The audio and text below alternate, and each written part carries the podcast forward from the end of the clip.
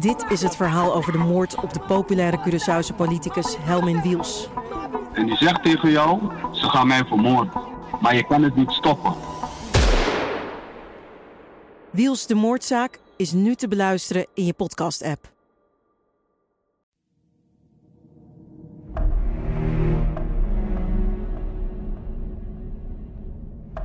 Maar op die dag dat ik met mijn ster liep, toen werd ik in de nek gepakt door een van die jongens en zei: Eraf! Wij mogen van mijn ouders geen Joodse jongens meer op de kar laten. Nou, dat was een enorme dreun voor mij, dat ik in één keer aan de kant werd geschoren. Echt gesepareerd van je vriendjes waar je altijd mee op optrok. Maar ik was zo bang en zo onrustig. Ik denk, jongen, jongen, waarom zit ik hier als jongetje opgeborgen op een slaapkamer? Mijn moeder en ik hebben zo'n vijf, zes dagen in die auto dag en nacht doorgebracht. eh, wachtend op wat er zou gaan gebeuren. Want we dachten, ja, nou, nou gaan ze echt naar ons zoeken.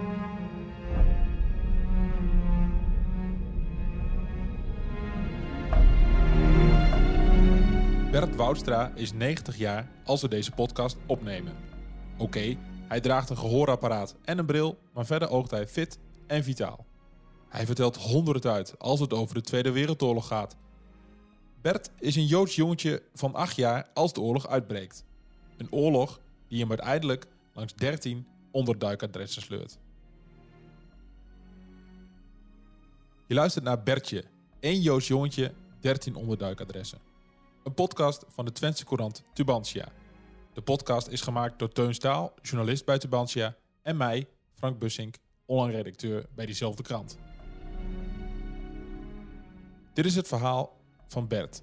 Bert is dus acht jaar oud als de Duitsers Nederland binnenvallen op 10 mei 1940. Kleine Bertje is een Joods jongetje en in de jaren die komen gaat hij van onderduikadres naar onderduikadres. Dit is zijn verhaal over een periode van angst, overleven en onzekerheid. Het verhaal van Bert begint aan de Bisschopstraat in Enschede.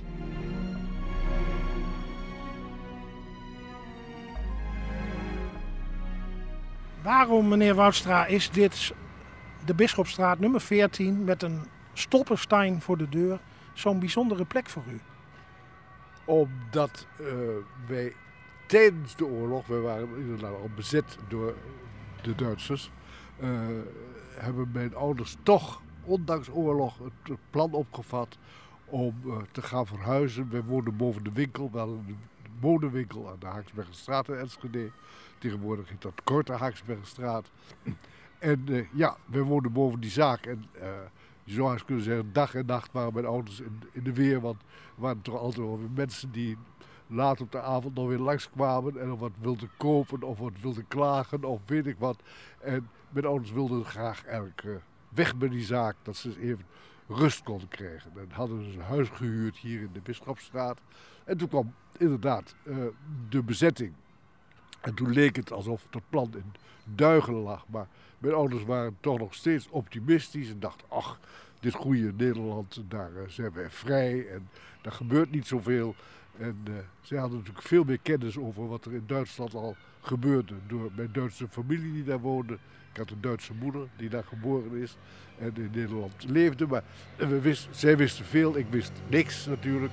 En we zijn toch gaan verhuizen, ondanks de oorlog. En daarom is dit natuurlijk een hele dierbare plek. Want hier heeft zich eigenlijk, uh, hebben eigenlijk zich vele drama's voltrokken rond uh, de arrestatie van mijn vader in september 41. En die is daarna, kort daarna vermoord in uh, concentratiekamp Mauthausen. We zijn vanuit dit huis gaan onderduiken. Dus het was voor ons echt, het is voor mij nog steeds een soort heilige plek geworden. En ja, vele jaren na de oorlog nog niet zo heel lang geleden hebben we hier herdenkingsstenen mogen neerleggen voor mijn vader, die nooit een graf heeft gehad. En voor de opvolger van ons, de uh, man die ons huis geleend heeft, Henty Jannik. Die ook in het verzet geraakt is en door het verzet ook is omge omgebracht, is vermoord in het concentratiekamp Vught. Dus er hangen vele verhalen aan dit huis. Hoewel er dus veel narigheid kleeft aan het huis in de Bisschopstraat, heeft Bert ook gelukkige tijden gekend in het huis. En dat begon voordat de oorlog uitbrak in 1940. Bert was een gelukkig ventje in een gezin met twee jongetjes. Ik had een oudere broer. mijn broer Egon was negen jaar ouder. En ik had bovendien nog een kunstbroer, want mijn neef uit Duitsland, uit Mainz, die uh, niet meer naar school mocht daar. En, en, die is tien jaar ouder dan ik. En die vluchtte ook in 1938 naar, naar ons toe. Die is door mijn ouders opgevangen. Dus ik had er zomaar een keer een tweede broer bij. En dat was natuurlijk ontzettend plezierig om met die twee kerels in de één slaapkamer te delen. En uh, ja, uh, eigenlijk waren het allemaal nog hele zonnige en gelukkige jaren. Wat was kleine Bertje voor jongen? Ik was denk ik misschien wel een aardig, aardig jongetje. Ik was nogal fa fantasierijk, kan ik me herinneren. en uh, uh, ja, ik had het ontzettend fijn. Ik, was padvinder, ik was welp geworden. Ik had, zat op een hele leuke school, de Enschedese schoolvereniging. Uh, was een warm nest voor mij. ik ging eerst nog naar de kleuterschool aan de Goolkattenweg. Dat was een particuliere kleuterschool. En ja, daar heb ik de eerste vriendschappen met mensen gelegd. En ja, ik kreeg eigenlijk een hele, hele, hele plezierige, gezellige jeugd. Ik werd min of meer opgevoed door, door een dienstmeisje. Een, we hadden twee hulpen in huis. Mijn ouders werkten allebei. We hadden Mia. Mia was eigenlijk de kinderjuf voor mij. Dat was de, het hoofd van de huishouding bij ons. En Agnes was de, de, de hardwerkende medehulp. En ja, en, Mia was voor mij eigenlijk een soort tweede moeder. Die trok veel met mij op. En ging met mij wandelen in het Volkspark. En ik heb nog mooie foto's daarvan. En ik heb na de oorlog Mia nog weten terug te vinden. Die woonde in uh, Ahaus en nog veel warme contacten mee gehad. Ja, en dus je ziet dat ook de oorlog niet alles kapot maakt. Wanneer wordt dat vrolijke uh, inventieve jongetje, zo schetst u het, een bezorgd jongetje dat doorkrijgt, hier is iets niet goed, hier gaat iets niet goed? Uh, nou, ten eerste, mijn vader die s'nachts wordt opgepakt hier uit het huis en wordt aangebeld, aankleden en meekomen. Dat was een Duitse militair of een soldaat, dat weet ik niet meer precies. En een Nederlandse politieman, dat weet ik nog wel. En uh, mijn vader zei me goeiedag en zei, jongens, maak je geen zorgen. Ik ben uh, volgende week wel weer thuis. en zo werd mijn vader opgepakt. En een paar uh, uur later hoorden wij dat een heleboel mannen waren opgepakt. Joodse mannen, weliswaar. Want er was een kabel doorgeknipt, een, kabel van de Weermacht. Die liep van Enschede naar Haaksbergen. En de, de, schuldenaar werd, de schuldige werd niet gevonden. En wie kreeg de schuld? De Joodse mannen. Dus die 105 mannen, want er zijn 105 mannen in Twente opgepakt, zijn allemaal naar Mauthausen gebracht. En, ja, en op dat moment wist ik, jongen, jongen, de oorlog wordt toch wel heel erg hevig. Kort daarna mocht ik ook niet meer naar school. Toen uh, hebben wij afscheid moeten nemen van, mijn heerlijke lagere school. Want ze mochten geen Joodse kinderen meer lesgeven. Dat was ook een zeer emotioneel moment voor mij. En dan volgde de ene ellende naar de andere. De bordjes voor Joden verboden. De ster die je moet gedragen. Je mag alleen maar op straat komen. Uh, als je een ster op hebt. Dat je duidelijk herkend kan worden als een slecht mens. ik weet nog heel goed. In deze straat schiet me nou te binnen dat we hier vriendjes in de buurt hadden. Die hadden een bokkenwagen. Dus een, een karretje op vier wielen met een bokje ervoor. En op woensdagmiddag trokken ze dan hier door de, door de wijk. En uh, nou, als, ze kwamen, als ik de karren hoorde, al die houten wielen hoorde je ratelen. En ik zat hier boven op mijn kamer. Dan rende ik naar buiten, want de jongens waren weer met de kar. En dan sprongen we op die kar en dan reden we hier rondjes in de buurt.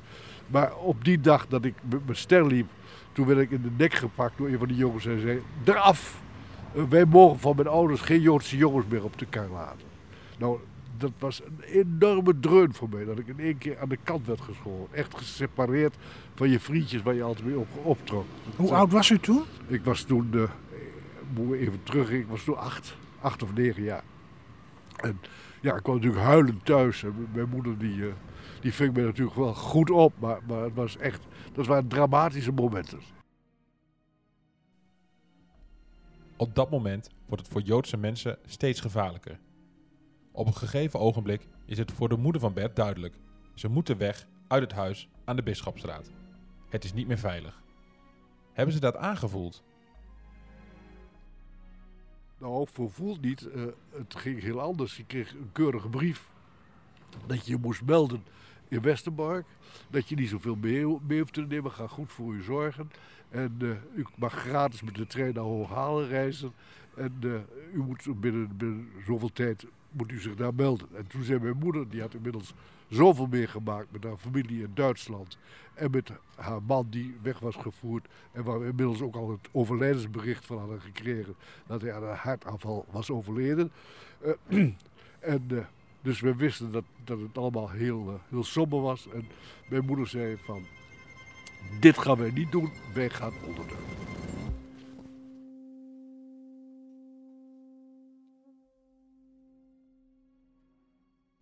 Voordat we met Bert naar een volgende plek gaan, komt er bij hem plots een mooie herinnering aan het huis in de Bisschopstraat naar boven. Uh, in die tijd dat, uh, dat het dus rommelde over uh, vertrek en onderduik, maar mijn broer en mijn neef die waren al de deur uit. Die zijn hier in het huis daar aan de overkant, daar zien, opgevangen door mevrouw Tattersal die daar tijdelijk woonde. En ze mochten daar op zolder zich verstoppen. Dus mijn broer en mijn neef waren al weg. Ik zat met mijn moeder nog alleen in het huis.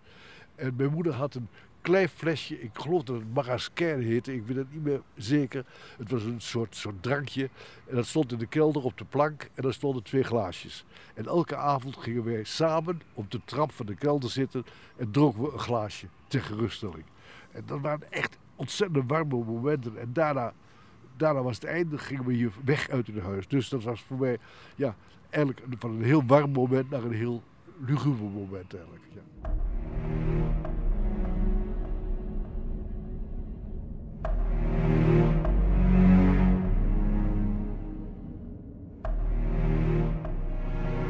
Het moment dat Bert en zijn moeder de brief krijgen, is de start van een angstwekkend avontuur. Het was voor Bert het begin van een tocht langs uiteindelijk 13 onderduikadressen. En de eerste plek waar hij terechtkomt is in Buurse. Ja, wij, uh, wij kregen dus een brief dat wij ons moesten melden bij Westerbork. Mijn moeder had inmiddels zoveel ervaringen opgedaan. Uh, dus dacht, dit gaat niet goed. Wij gaan onderduiken. We hadden een zakenvriend van mijn ouders, meneer Hol, accountant. Die uh, vroeg mijn moeder om raad van, ja, ik wil, ik wil niet naar Westerbork. Wij willen ons gaan verstoppen. hoe organiseren we dat? En die zei, ik heb een goede vriend, die heet dominee Overduin. En die zal ik erbij halen, want die is er al mee bezig met het verzorgen van onderdrukplekken. En kijken hoe we daar uitkomen. Inmiddels diende zich ook een meneer Jannik aan, uh, de oom van een vriendje van mij, van een van mijn beste vrienden. Die zei, ik wil gaan trouwen, ik ben op zoek naar een huis. Uh, zou het een idee zijn dat mijn vrouw en ik jullie huis zo lang overnemen. Laat alles maar staan en als je terugkomt kunnen we zo weer in. We zullen er goed op passen. En dat overleg vond plaats en ja, er werd uh, de huiseigenaar, het was een huurhuis, de overbuurman die heette meneer Herkema, kwam ook bij het gesprek. En iedereen vond het prima dat het zo georganiseerd werd. En toen zijn wij zo, ik dacht begin juli 1942, vertrokken. Mijn moeder, mijn broer, mijn neef en ik. Ja, dat was een heel raar moment. En ik kon met mijn vriendje, ik had geen fiets meer, want mijn fiets had ik al lang moeten inleveren. En ik kon op de tandem van mijn vriendje Gijs Janning mee naar hun zomerhuisje in Buurse. En dat was mijn eerste onderduikplaats. En ja, het was nog een soort vakantie, zo gaan ze kunnen zeggen. Ik was, was uh, tien jaar oud en we speelden buiten en ik kende de kinderen goed en ik kende de ouders goed. En uh, ik wist wel dat ik moest oppassen dat niemand anders mij zag, maar, maar uh, het was eigenlijk een, ja, ja, een heel dubbel gevoel van stukje vakantie. Het was vakantietijd nog. Uh, ja, het was mooi weer. Uh, ik, ik, was in een veilige omgeving. Ik moest mijn moeder natuurlijk. Het was afschuwelijk om je moeder en je broer en je neef die bij ons woonden. Uh, goeiedag te moeten zeggen. Ze nou voorlopig zien we elkaar niet meer. Dat was voor een tienjarig natuurlijk wel een moeilijke stap. Maar aan de andere kant, ja, het was toch.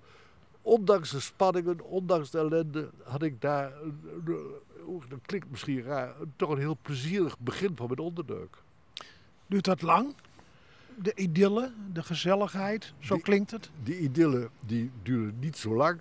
Want op een gegeven moment moest de familie weer terug. De vakantie was voorbij en ze gingen terug naar de stad.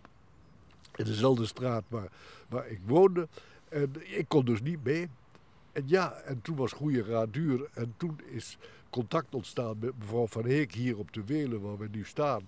Bij, het prachtige, bij deze prachtige oude villa. We staan inmiddels in Boekelo. We staan inmiddels in Boekelo. En ja, en eh, die zei, ja, ik heb mijn huis al vol met onderduikers. Maar eh, mijn tuinman, de familie Hilbering, die, die kan Bert wel zo lang op, opnemen.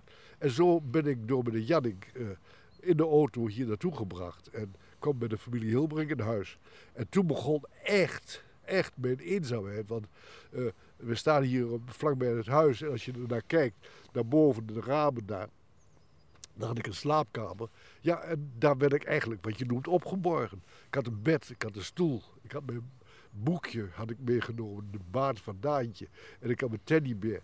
En dat waren mijn talismannen, zo ik kunnen zeggen. Mijn bezittingen die, die ik koesterde. En ja, en, eh, ik zat er maar te zitten en ik zat er maar te liggen. En de mensen waren hartstikke lief voor mij. Ik had goed te eten, het was lekker warm. Het was in de zomer ook, eh, gewoon warm. Maar ja, ik, ik had het gewoon, gewoon heel plezierig daar. Maar ik was zo bang en zo onrustig. Ik denk, jongen, jongen, waarom zit ik hier als jongetje opgeborgen op een slaapkamer? Ik, dus aan de ene kant was het een heel, heel ve- eh, veilig gevoel. Aan de andere kant was, was ik heel angstig en voelde mij ontzettend eenzaam. Het is een hele rustieke omgeving. Die oogt veilig, zo Ja, op het ja. gezicht. Het mooie was ook s'avonds, dan eh, zei meneer Hilbrink, kom we gaan even, eh, even eh, wandelen. En dan werd ik gelucht. En dan gingen we hier wandelen. En dan weet ik niet meer precies welke kant we opliepen. Maar wij liepen hier naar het bos toe. Ik dacht daar ergens. En daar kwam ik een vriendje tegen, Hans Neter. Een jongetje die woonde in Enschede in de Haaksbergse straat. Dus vlakbij ons, daar speelde ik mee. En Hans die was heel verbaasd mij te zien en ik was verbaasd hem te zien. En ik zei natuurlijk, Hans, wat doe jij hier? Toen zei hij, ik geloof dat wij hetzelfde doen wat jij aan het doen bent. We zijn aan het onderduiken. Dat is ook een Joodse jongen. En ik zit met mijn vader, moeder, broer en zus in een kippenhok hier vlak achter. Nou, ik vond dat zo'n ontdekking. Ik zei, Hans, en toen zei de, de tuinbaas zei tegen hem van... Hans, dan kom je s'avonds maar bij ons. Wij, wij wonen daar en hij wees op dit huis. En dan kom je maar, kun je met Bert spelen. Nou, dat is een aantal keren gebeurd. Dat was heel fijn. We konden mensen erg genieten tot je erbij neerviel. En we hadden veel plezier samen bovenop die kamer. Maar daarna werd het al gauw weer, weer stiller. En eh, ja, eh, en, en toen op komt hier een auto aangereden. En eh, mevrouw uh, die riep naar boven, Bert, verstoppen.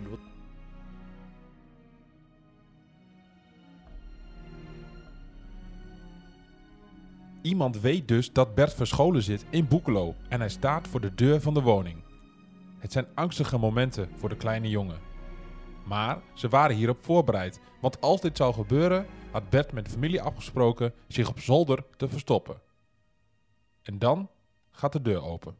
En ik hoor een meneer zeggen, dag mevrouw, volgens mij hebt u Bert Woudstra in huis. Nou, ik, ik schrok zo ontzettend. Ik nu word ik opgepakt. En ik, ik kan me nog herinneren als de dag van gisteren. Ik begon te transpireren van angst. Het, zweet lekte me de- langs de nek, zou ik haar zeggen. Ik was zo bang. Totdat mevrouw boven kwam en zei: Bert, eh, eh, hoe gaat het? Ik zei: Oh, ik ben zo bang. En ze zei: Nou, wees maar niet bang, het is veilig. Die meneer, meneer, dit is een tandarts uit Enschede. Die heet Noorderbos en die schijnt jou te kennen. Ken jij die man ook? Ik zei: Nou. Ik ken de naam, ik ken de kinderen. Ik zeg, ik heb hem vaak aan het hek zien staan op school als hij de kinderen ophaalde. Maar ik ken hem niet echt. Kom maar meneer. Nou, dan bleek inderdaad de man te zijn van het hek van de school. En die zei, Bert, ik heb, moet het kort maken. Er wordt hier een razzia gehouden. Er wordt hier overal gezocht naar onderduikers. Ik weet dat toevallig. Ik doe een verband om je hoofd. Ik doe er jodium op. Je gaat er echt ziek uitzien. Je moet toneel spelen, zei hij tegen mij. Je gaat in mijn auto liggen en je, doet je mond niet open en je kreunt en je bent hartstikke ziek. Pak gewoon je spullen. En zo ben ik in die auto gestapt. Hij had een rode, rood teken op de auto, een rode slang. Dat betekende huisarts. Dat was hij helemaal niet, maar dat werd door, het verzet werd dat gewoon nagemaakt. Hij gaf zich uit als, als eh, huisarts. Hij had ook tegen de schildwachten hier gezegd, die het terrein afzetten van ik moet naar een kind, kijk mijn auto na, want dan, kun je, dan kan ik straks tenminste vlot doorrijden.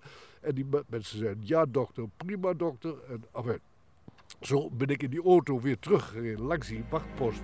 Die keken in de auto en die zeiden: Ik heb het al gezien, hè, dokter Van zit door. En zo reden wij weg naar de vrijheid. De vrijheid. Zo voelde het op dat moment. Maar het was voor Bert pas het begin van een hele tocht door Twente en andere plekken in Overijssel. Maar nog even terug naar die tandarts Noordenbos. Hoe wist de tandarts waar de kleine Bertje ondergedoken zat? Dat was immers een geheim. Het antwoord op die vraag en hoe het verhaal van Bert verder gaat, hoor je in de volgende aflevering van de podcast Bertje. Eén Joods jongetje, 13 onderduikadressen. Dit is een podcast van de Twentse Courant Tubantia. De podcast is gemaakt door Teun Staal, journalist bij Tubantia, en Frank Bussink, dat ben ik, online redacteur bij diezelfde krant. Abonneer je op de podcast, zodat je een seintje krijgt als de nieuwe aflevering klaar staat. En laat ook weten wat je van de podcast vindt. Bedankt voor het luisteren en tot de volgende aflevering.